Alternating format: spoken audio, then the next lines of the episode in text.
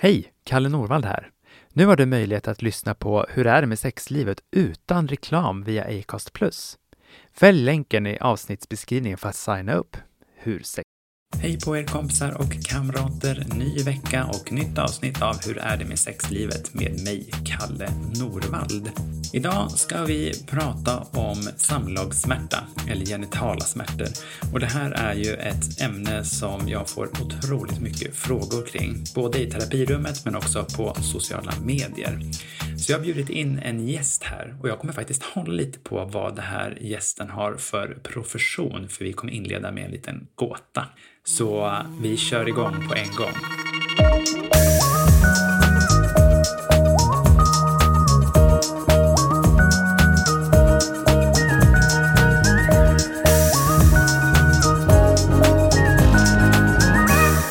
Hur är det med sexlivet med Kalle Norvald? Vi kanske ska berätta för lyssnarna. Vi spelade in några minuter och sen så insåg vi att tekniken jobbade lite emot oss så nu gör vi om det. Men jag tyckte Precis. att det sättet som du presenterade dig själv på var så otroligt roligt så jag skulle nästan att vi gör det en gång till. kan du berätta vad du jobbar med utan att berätta vad du har för yrkestitel? Jag tittar väldigt ofta på slidsekret i mikroskop. Det är väldigt tacksamt för mig att få dickpics på arbetstid. Och ja, folk visar gärna mig sitt kön generellt och gillar att prata sex med mig. Sen pratar vi andra saker också, relationer, psykisk ohälsa, allt möjligt. Och vad står det på din namnbricka på jobbet? Det står Gabrielle Baker, barnmorska. Ja, du jobbar på barnmorska på en ungdomsmottagning. Precis. Det, just barnmorskeyrket tycker jag är väldigt spännande. Jag har ju själv haft en liten, eller har, ska jag väl fortfarande säga, en dröm om att någon dag få jobba som barnmorska. Det verkar vara ett fantastiskt arbete på så många sätt. Ja, det är verkligen väldigt, väldigt bra. Nu har jag jobbat så, både jobbat och pluggat så mycket som min partner säger att vi får vara slutpluggat nu för ett tag. Men någon gång kanske jag kommer att bli din kollega. Som barnmorska alltså. Jag kan lära dig allt. Jag lovar. Toppen, toppen. Då ringer jag dig. Men jag har ju bjudit in dig till podden för att prata om något som jag vet att väldigt många ungdomsmottagningar men också sex och samlevnadsmottagningar runt om i Sverige möter väldigt ofta. Det här med samlagssmärta eller yeah. genitala smärtor. Hur skulle du utifrån ditt barnmorskeperspektiv definiera en samlagssmärta? Ja, alltså det är ju lite komplext för det kan ju bero på väldigt många olika saker. Oftast pratar vi om vulvasmärta, för det är ju ofta personer med vulva som har den här typen av samlagssmärta. Sen kan man ha det även om man har penis också. Men när man pratar vulvasmärta då som samlagssmärta, då kan det ju vara ytlig vulvasmärta eh, som kan bero på till exempel vulvodyni som är ett smärttillstånd. Och den kan vara provocerbar, alltså vid beröring, eller icke provocerbar, alltså att man har ont hela tiden. Sen finns det ju också vaginism som är en form av slidkramp och man kan ju ha de här två sakerna tillsammans. Inte alls ovanligt. Har man sen djupare samlagssmärta så kan det ju till exempel vara på grund av endometrios eh, eller tarmbesvär av olika slag. Så det är inte alltid helt lätt när det kommer någon och säger att de har samlagssmärta att utreda vad det betyder för den individen. Det är väl också det som är liksom, den negativa sidan av myntet är just den här komplexiteten. Vad är vad? Och hur ska man liksom connecting the dots? Precis, och många har ju väldigt svårt att beskriva hur, hur smärtan ter sig. Och då blir det min uppgift att försöka nysta i det för att veta hur vi ska hjälpa personen. Hur kan liksom en vanlig berättelse från en ungdom låta när de kommer till dig till, med, som barnmorska på ungdomsmottagningen med den här problematiken? Ja, alltså många gånger kommer de ju med någon sorts smärta och kan inte helt utreda vad den beror på eller kanske exakt vart den sitter smärtor. Så att det kan krävas lite samtal innan vi kommer fram till vad det är för typ av smärta. Det kan ju vara smärta i samband med sex. Det kan också vara att personen har svårt till och med att få upp en tampong eller ett finger om man har försökt. Eh, kanske har man försökt länge. Eh, eller att man har haft sex upprepat och haft smärta men väntat länge med att söka. Eller som man sökt och inte blivit tagen på allvar eller haft mm. upprepade infektioner. Många gånger är det personer som har svampinfektioner eller bakteriell vaginos och balans på olika vis. Och man behandlar och behandlar och det blir inte bättre. Det vet ju du mycket mer än jag, men jag har stött på personer som tror det är svamp och så köper de såna här receptfria svampmedicineringar och testar sig fram liksom. Men jag har förstått att det inte är en toppen sätt att hantera det på. Nej, precis. Det är ju väldigt många som, precis som du säger, som har behandlat många gånger själva hemma Och det är ju en ganska stark medicin så det är ju bra att man kanske kommer och undersöker om det faktiskt är svamp det rör sig om. Bra, så gå till Gabrielle före. Allihopa. One size fits all seems like a good idea for clothes until you try them on. Same goes for healthcare. That's why United Healthcare offers flexible, budget-friendly coverage for medical, vision, dental, and more. Learn more at uh1.com. Ever catch yourself eating the same flavorless dinner three days in a row? Dreaming of something better? Well, HelloFresh is your guilt-free dream come true, baby. It's me, Gigi Palmer. Let's wake up those taste buds with hot, juicy pecan crusted chicken or garlic butter shrimp scampi. Mm. Hello Fresh. Stop dreaming of all the delicious possibilities and dig in at HelloFresh.com. Let's get this dinner party started. Hey, I'm Ryan Reynolds. Recently, I asked Mint Mobile's legal team if big wireless companies are allowed to raise prices due to inflation. They said yes. And then when I asked if raising prices technically violates those onerous two year contracts, they said, What the f are you talking about, you insane Hollywood ass? So to recap, we're cutting the price of Mint Unlimited from $30 a month to just $15 a month. Give it a try at mintmobile.com slash switch. $45 up front for three months plus taxes and fees. Promo for new customers for limited time. Unlimited more than 40 gigabytes per month. Slows. Full terms at mintmobile.com.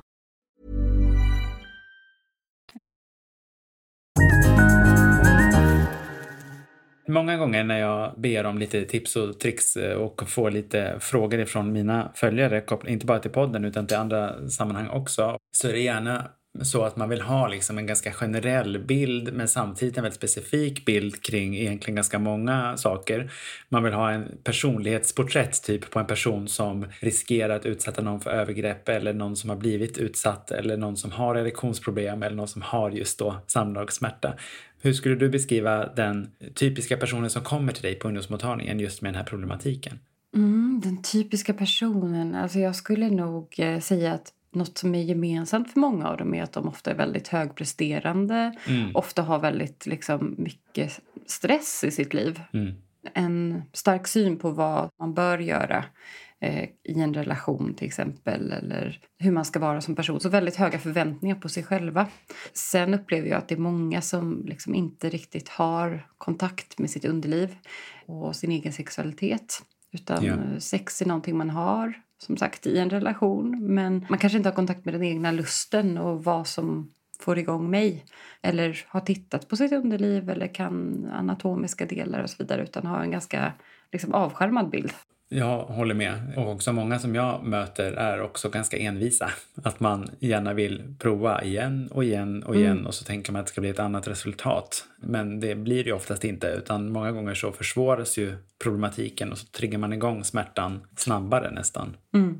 Och det upplever jag många gånger att eh, när jag träffar eh, de här ungdomarna som har vulvasmärta eller samlagssmärta på olika sätt. Vi gör inte kanske en undersökning första besöket. Men även efter man har gjort en undersökning och kanske kommit fram till eh, lite olika mål, hur vi ska jobba med behandling så kan det ta ett par gånger innan de liksom fattar att det finns ingen quick fix i det här. Mm. Utan mm. man fortsätter kanske ändå som man har gjort tidigare. För att det som mm. du säger, det finns en himla envishet. Och en längtan.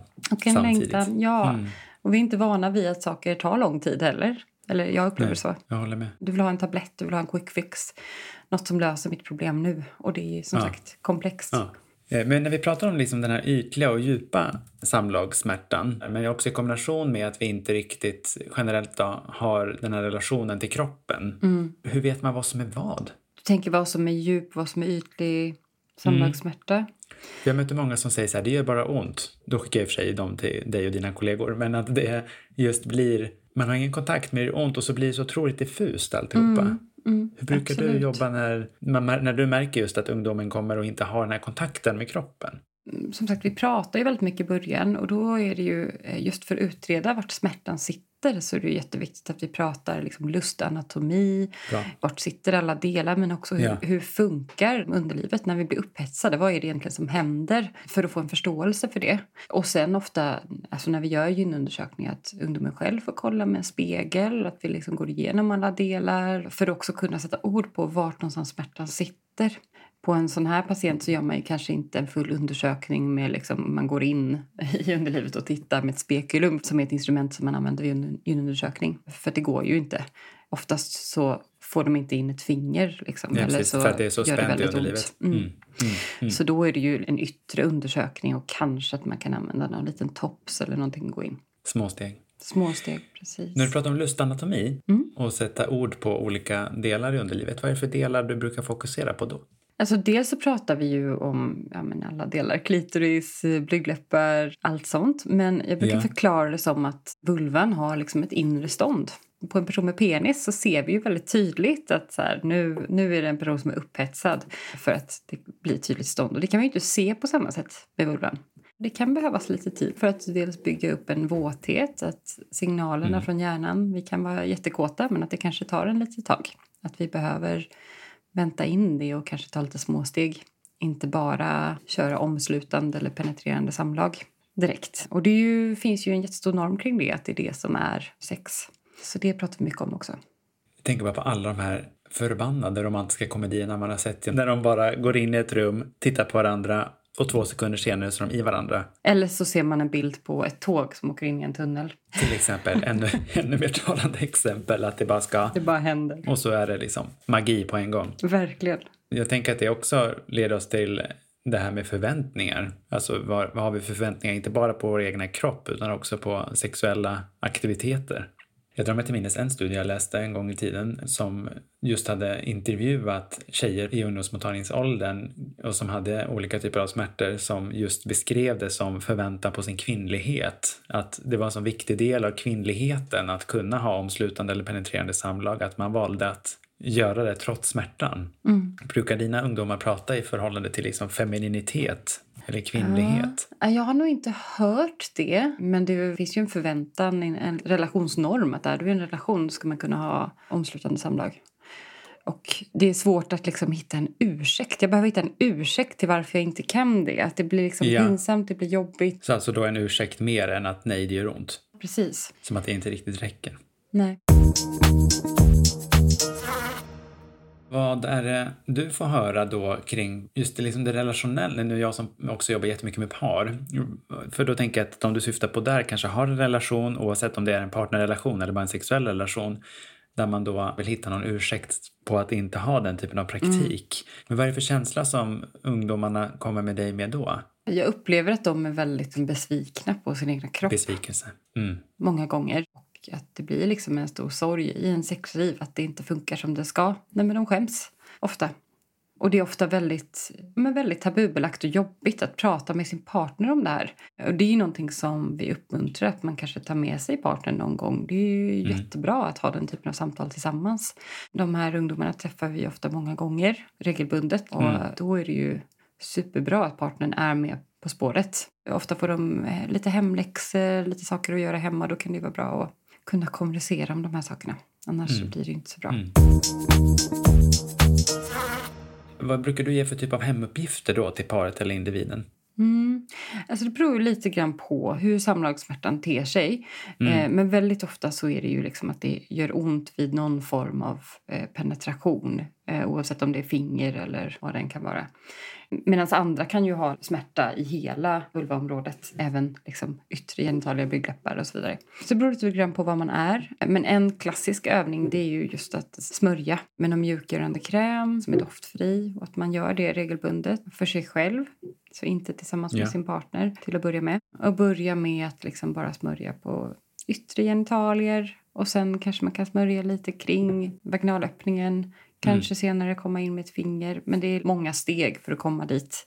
Och vad är syftet med smörjövningar? Syftet är ju att vänja kroppen till att få en beröring. Eh, Så för vissa så är ju det här jättejobbigt. Man kanske behöver starta utanpå kläderna om man har så pass mycket smärtor. Vissa kan ju ha svårt att bara ha på sig tajta jeans eller sitta på en stol eller cykla eller vad den kan vara. Jag träffar också en hel del personer som har vagina vulva som tycker att man liksom har, ja med reservation för mitt ordval nu då, men har någon form av skamrelation till sitt könsorgan som också i sin tur förstås kan trigga igång en smärtproblematik för att man tycker att det är fult, äckligt och så vidare och så vidare. Där jag faktiskt som psykoterapeut då får jobba med exponering för sitt kön och det kan ju låta konstigt för de som inte jobbar med det här då, för du nickar, det ser inte lyssnarna, men du nickar. Att man liksom behöver jobba med någon form av acceptans till sin kropp. Verkligen. Jag tänker faktiskt på en specifik tjej som jag träffade för jättelänge sedan där vi fick liksom öva med att titta på bilder på vulvor. Bara det gav henne ett ångestpåslag och sen fick vi liksom öka på det och sen fick hon som hemuppgift av mig i alla fall då att gå hem och göra smörjövningar efter ett tag när det inte ångestpåslaget var så pass starkt. Just den här, tycker jag då, sorgsna inställningen man har till sina genitalier kan också vara en faktor. Ja men verkligen. Och det är som sagt, många har ju inte aldrig ens tittat på sitt kön och då kan ju smörjövning vara en ganska bra bit på väg också som du säger, att man kanske ska börja titta på bilder eller titta på sig själv med spegel eller bara lära sig hur anatomin är innan man ens närmar sig. För du pratade också om det här med, nu kallar jag det för egenvård, Mm. men hur skulle man på egen hand, för jag vet ju också att det är många lyssnare som har den här problematiken. Mm. Vad skulle du vilja hälsa till lyssnarna som har just samlagssmärta eller genitalsmärta? Alltså vi jobbar ju mycket med kroppskännedom.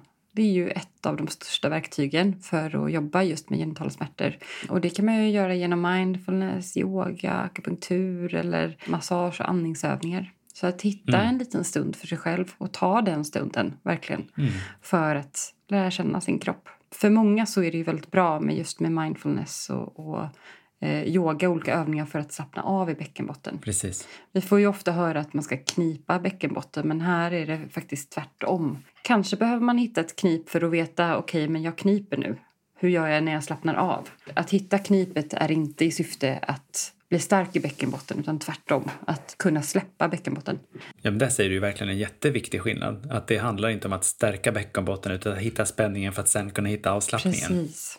Jag brukar göra en övning med många av dem som har genitalsmärta eller samlagssmärta. Jag har en jättestor whiteboard på min mottagning och då ber jag dem att berätta så här, vad gör de dagarna? Och så skriver jag upp liksom en klassisk dag. Alltså okej, men man kanske går på en morgonpromenad, man åker kollektivtrafik, man går i skolan eller arbetar, man träffar kompisar, eventuell partner, familj. Och sen när man har gjort allt man gör det på en dag så ber jag dem berätta, okej, men hur många procent av din dag är det här ungefär? Och så skriver jag upp alla procentantal som de säger. Och sen plussar vi ihop det. Och det blir ju alltid mer än 100 procent. Typ 200. mitt rekord som jag har fått höra, det är ju inte mitt rekord då, men det högsta antalet det har varit över 500 procent. Herregud, Och ja. att man då säger, på en dag sysselsätter du dig 500 procent. Hur är det möjligt? Och det är ju oftast för att de inte sover tillräckligt eller de eh, prioriterar bort saker som de annars mår bra av för att prestera på andra områden. Vad händer då? Jo, men jag tänker stress. Och jag brukar lite halvslarvigt säga, när axlarna är uppe, då är då kroppens sätt att hantera stressen och då kan man ju nästan ta för givet att också bäckenet är lyft i spänning. Absolut. Så man behöver prioritera bort saker. Ja, jag tycker ofta att spänningen sitter i käkar. Är man ofta spänd i käken spänner man ofta bäckenbotten också. Precis. Så en del av egenvården är att se över sin tid. Verkligen. Så det är ju det är ett stort projekt. Liksom. Det är ju en livsstilsförändring också. Och då får man ställa sig frågan, är man motiverad att göra den livsstilsförändringen eller inte? Och ibland är svaret, nej, men inte just nu. Nej. Hur kan vi hjälpa dig då fram till dess? Nu är då jag olika professioner, men jag som psykoterapeut jobbar ju också väldigt mycket med känslor. Du nämnde ju känslan av besvikelse. Att man blir besviken på hur sin kropp fungerar. Jag håller helt med dig också i den analysen, att, eller i den observationen kanske man snarare ska säga. Just att man blir besviken och riktar det mot sig själv. Man får också då ytterligare någon negation i relation till sin kropp. Hur brukar du stötta ungdomarna i det? I besvikelsen? Det var en bra fråga. Tack så mycket. Jag har utbildat mig i att ställa Ja, frågor. men det är väldigt svårt tycker jag. Håller med. Det är ju att försöka hitta andra sätt att komma nära sin partner, att komma nära sig själv, att vara snäll mot sig själv och göra saker för att må bra. Och också hitta acceptans. Många gånger så är det något som är jätte- jättesvårt. Man har en bild på hur saker ska vara och vi kan inte komma dit just nu. Utan då behöver vi acceptera, så här ser det ut just nu. Vi får helt enkelt ta sex bort från kartan. Att det är ingenting som vi gör just nu utan förväntan på att det ska funka och att efter vi gör de här övningarna, efter en vecka, efter två veckor så kanske min partner väntar på att jag ska säga att vi ska kunna köra igen. Nej, ta bort det bara helt och hållet. Ja. Vi är inte där just nu. Då får man hitta andra sätt att hitta intimiteten på. Nu sa du två ord som är superviktiga i sammanhanget.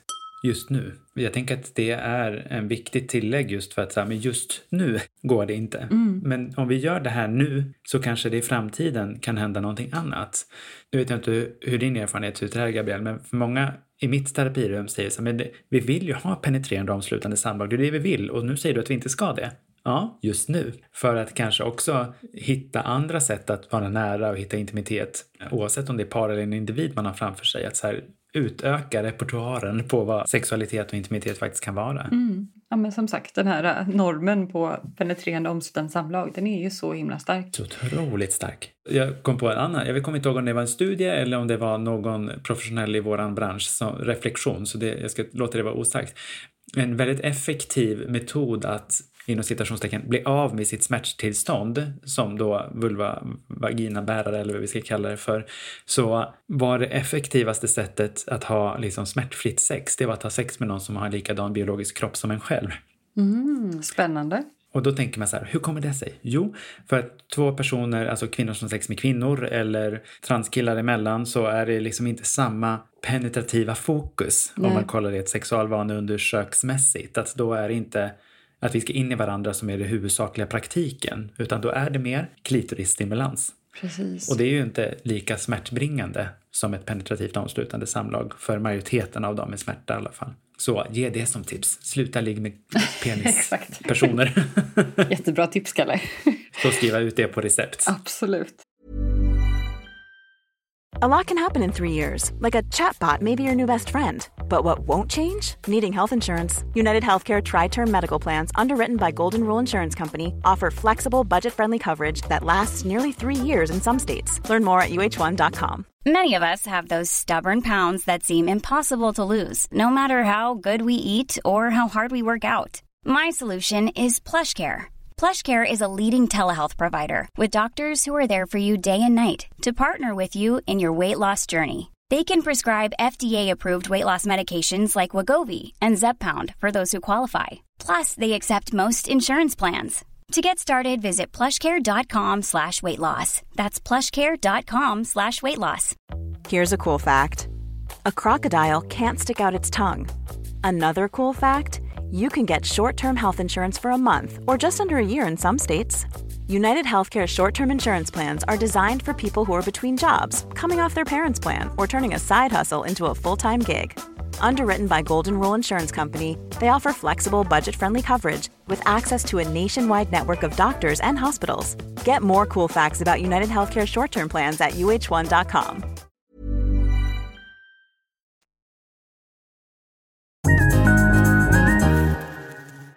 Men någonting man kan göra med sin partner, det är sensibiliseringsövningar till exempel. Och det är ju lite det som vi har nämnt, att ta sex av kartan, att göra, göra andra saker. Att liksom hitta mm. andra sätt att vara intima på utan att det ska behöva nödvändigtvis leda till sex. Så att massera varandra eller ta på varandra men inte ta på könsorgan till att börja med utan att man tar på kroppen på andra ställen där det är skönt. Ryggen, håret, armar, vad den kan vara. Precis. På ett icke-sexuellt sätt. Och sen kanske man sakta kan börja inkludera bröst mm. eller rumpa eller organ som känns mer sexuella och slutligen kanske man kan ha även med könsorgan men utan ett mål att det ska leda till ett omslutande samlag. Men det är jättebra exempel just på det här på att bredda repertoaren på vad njutning kan vara.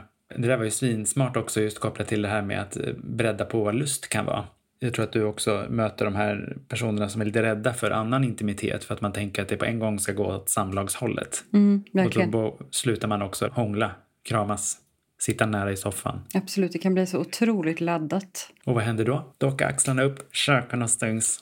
Om man då vågar vara nära utan just den premissen att det här kommer inte leda till något mer än just det vi är i just nu. Det är ju också en form av mindfulness, att våga vara i nuet. Ja, och där handlar det ju om att bygga upp en grundtrygghet också med sin partner, tänker jag. Vi har ju vårt centrala nervsystem med det parasympatiska och sympatiska nervsystemet som är liksom vårt antingen slappna av-sidan eller den lite mer fight and flight-sidan. Och för att vi då ska kunna slappna av så behöver vi ju ha alla de här hormonerna igång. Blir vi nervösa, blir vi stressade, ja men då blir det faktiskt så att, att underlivet dras ihop av det.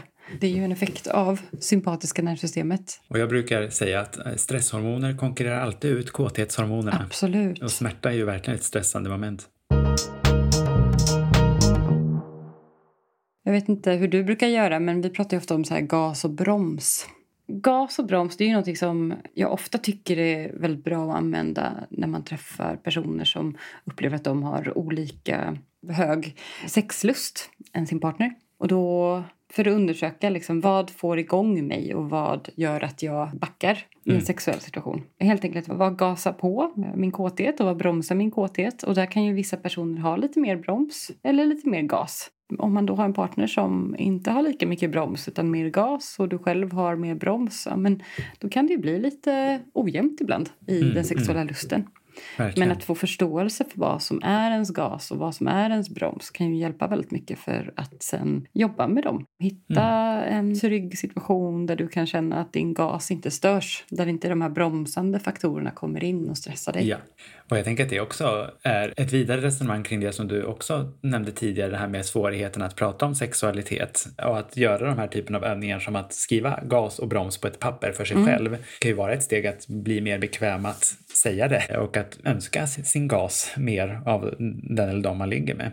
Sen så brukar vi också alltid prata om det vi inom vården kallar anamnes. Att Ja. för många gånger bär man ju med sig någonting. Inte alltid, men många gånger kan det vara saker i ens erfarenheter som kan påverka den här uh, oron. En sexuella oro som i sin tur skapar den här smärtan. Precis. Allt ifrån liksom, trauman eller tidigare övergrepp men också normer som man växte upp med. Vad, hur pratar man om sex när man växte upp? Var det väldigt tabubelagt? Har man haft sex med personer man vill ha sex med? Hur är man i sin sexualitet? Känner man sig trygg i den? Och vad, att man faktiskt har sex som man vill ha. Det finns ju jätte- jättemycket man kan undersöka där.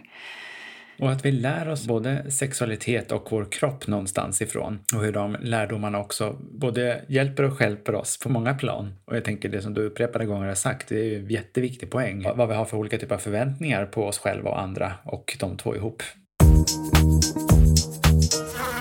Du pratade ju om lustanatomi förut och då kan vi ju också passa på att avslöja för lyssnarna att det finns studier ju som visar att det faktiskt eh, bara är två av tio personer med vagina vulva som får orgasm av penetrerande samlag. Att det just eh, är klitorisen som är toppen, vad det nu är orgasm man är ute efter.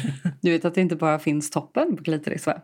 Ja, bra, nu du ledde du mig till nästa del. Berätta, vad tänkte du när jag sa så? Nej, men jag tänker att eh, det är ju inte bara den här lilla eventuellt synliga toppen som är klitoris utan det finns ju väldigt fina inre delar som existerar som inte alla känner till. Så eh, för alla lyssnare att googla klitoris anatomi för att ta reda på hur det faktiskt ser ut.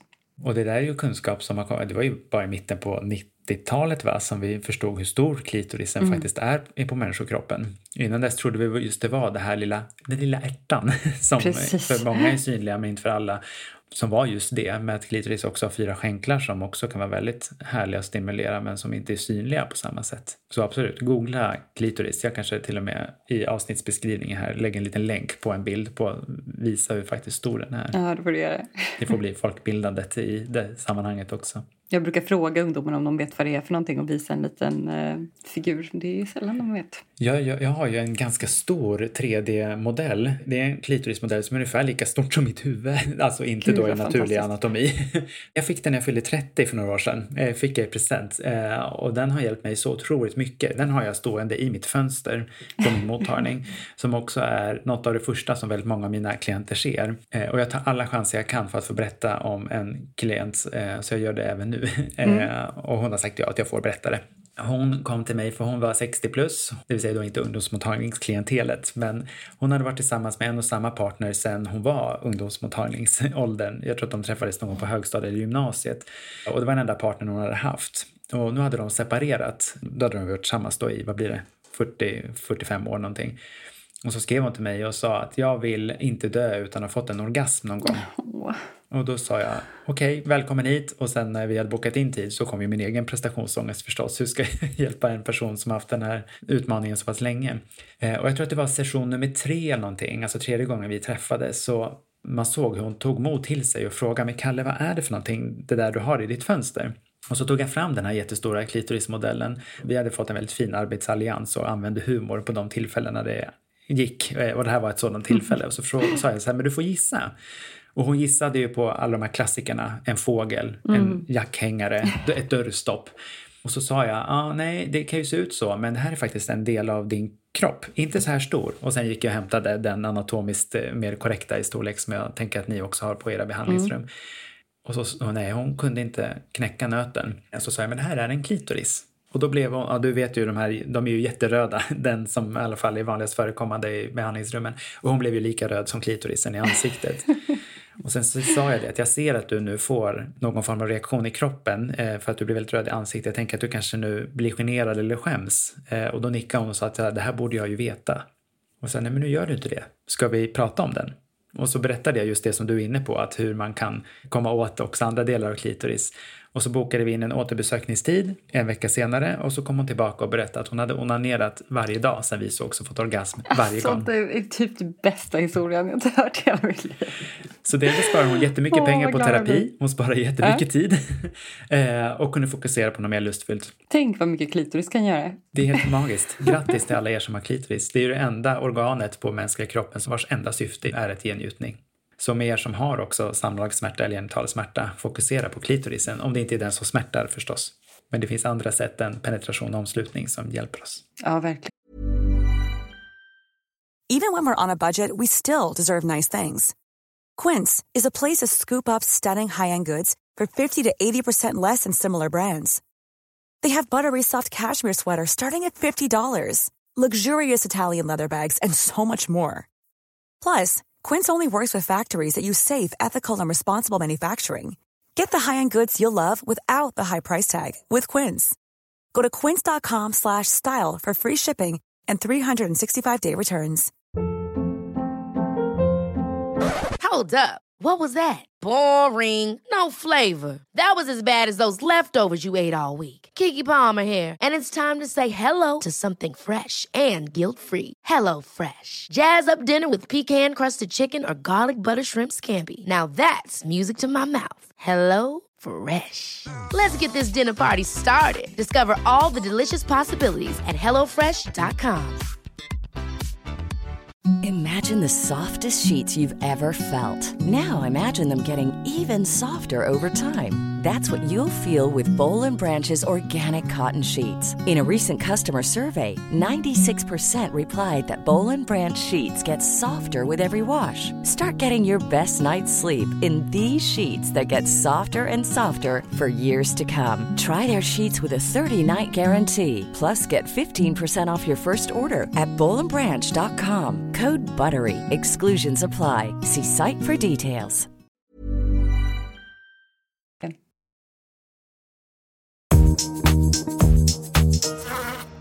Om vi så här avslutningsvis också tar in ett annat perspektiv på det här eh, kopplat till eh, ifall man har en partner som går med smärta. Vad brukar ni prata på ungdomsmottagningen på det perspektivet? Hur kan man hjälpa sin partner som har smärta? Ja, alltså som sagt kommunikation. Mm. Alltså många gånger så är man dålig på att prata om det. Alltså många gånger tycker jag att det är svårt att nå partners. Ja, håller med. Det tar emot väldigt mycket för den som har smärta att ta med sig partnern. Och det är ju något som verkligen jag brukar uppmuntra till att ta med sig någon gång så att vi faktiskt kan prata om det här tillsammans. För det kan vara jättesvårt att berätta. Mm. Men jag tänker som ett direkt resultat av den skuld och skammen, precis som du Ja, nämnde precis. tidigare. Man vågar inte Precis. involvera partnern i det här arbetet. Mm.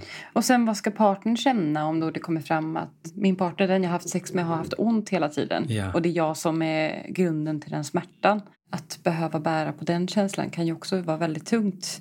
Sen så är det ju vissa som har partners som de absolut kan prata med och har en bra kommunikation och man löser det här bra hemma och redan gör många av de här bra sakerna.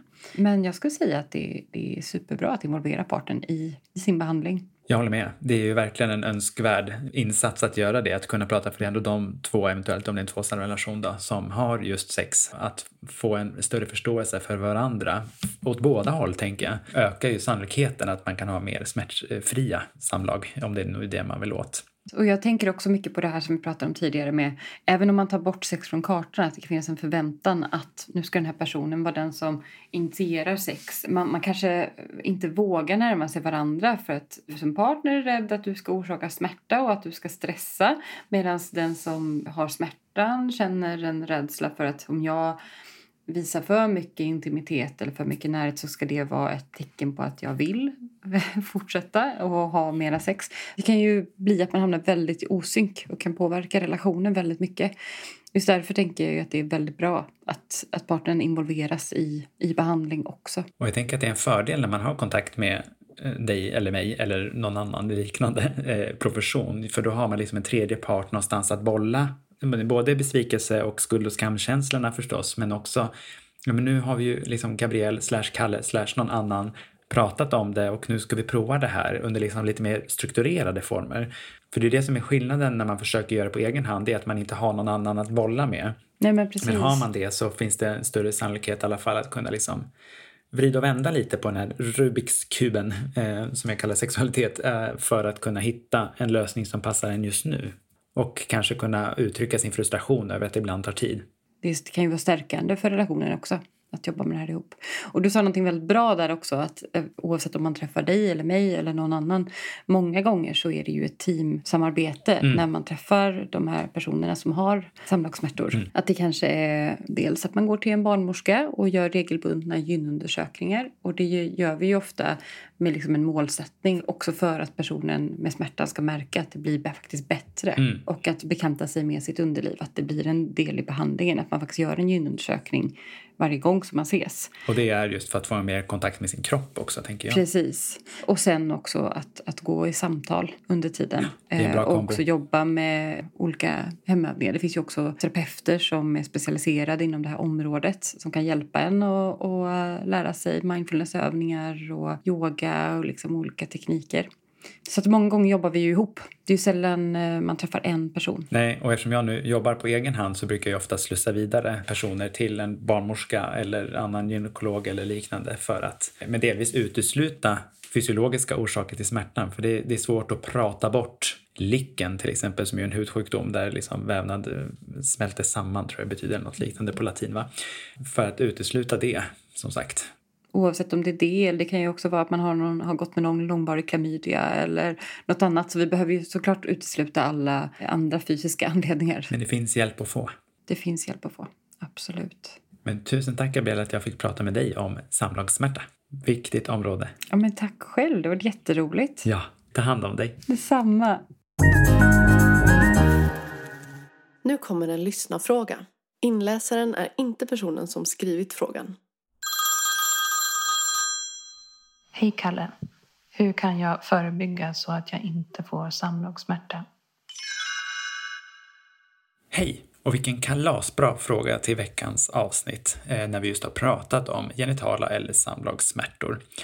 Förebygga smärta kan man ju göra på lite olika sätt. Till exempel kan det handla om att undvika saker och ting. Och det kan vara att undvika att tvätta underlivet med tvål och för den delen andra typer av kemiska saker såsom intimdeo, lukta gott spray och allt vad det heter det kan bli lite av en inkörningsport till smärta om man för in saker i vulva vagina i det här fallet då, som inte ska vara där. Och det kan ju vara tvål, det kan vara intimdeo och andra typer av sprayer. För vad som händer då, det är att slemhinnorna i underlivet torkar ut och att det i sin tur kan leda till smärta och trigga igång olika nerver eh, i underlivet. Det här är någonting som jag och Gabriel Baker inte hann prata om idag, men det är någonting som hon hälsar också till lyssnaren här. Jag skulle också vilja lägga till ett litet psykoterapeutiskt och sexologiskt perspektiv på frågan hur man kan förebygga att inte få smärtor i underlivet. Och det är att utforska sin egna sexualitet att ägna sig åt självsex eller onani är ju inget måste, utan det kan man göra under samtycke till sig själv.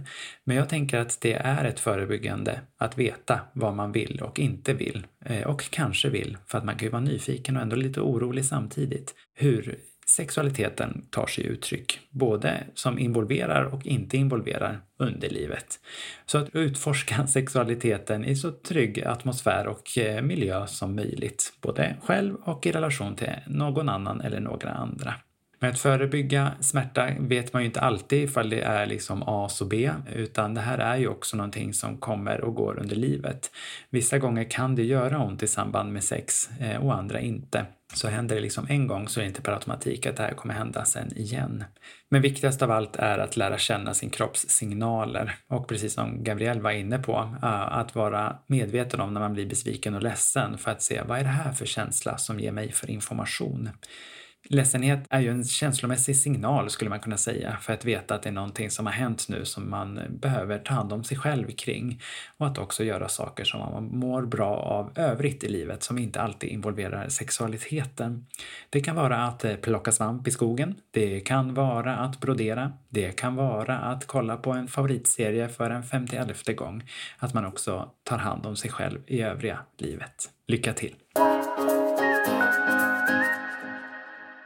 Tusen tack att ni har lyssnat även den här veckan och Nu hör ni att jag har pratat lite mycket så nu ska jag gå och ta hand om mig själv och dricka en kopp med varm dryck. Det Blir säkert kaffe om jag känner mig själv rätt. Vi hörs igen nästa vecka. Då tar vi tag i ett nytt sexologiskt tema. Ta hand om er, ta hand om era underliv så hörs vi nästa vecka. Puss och kram!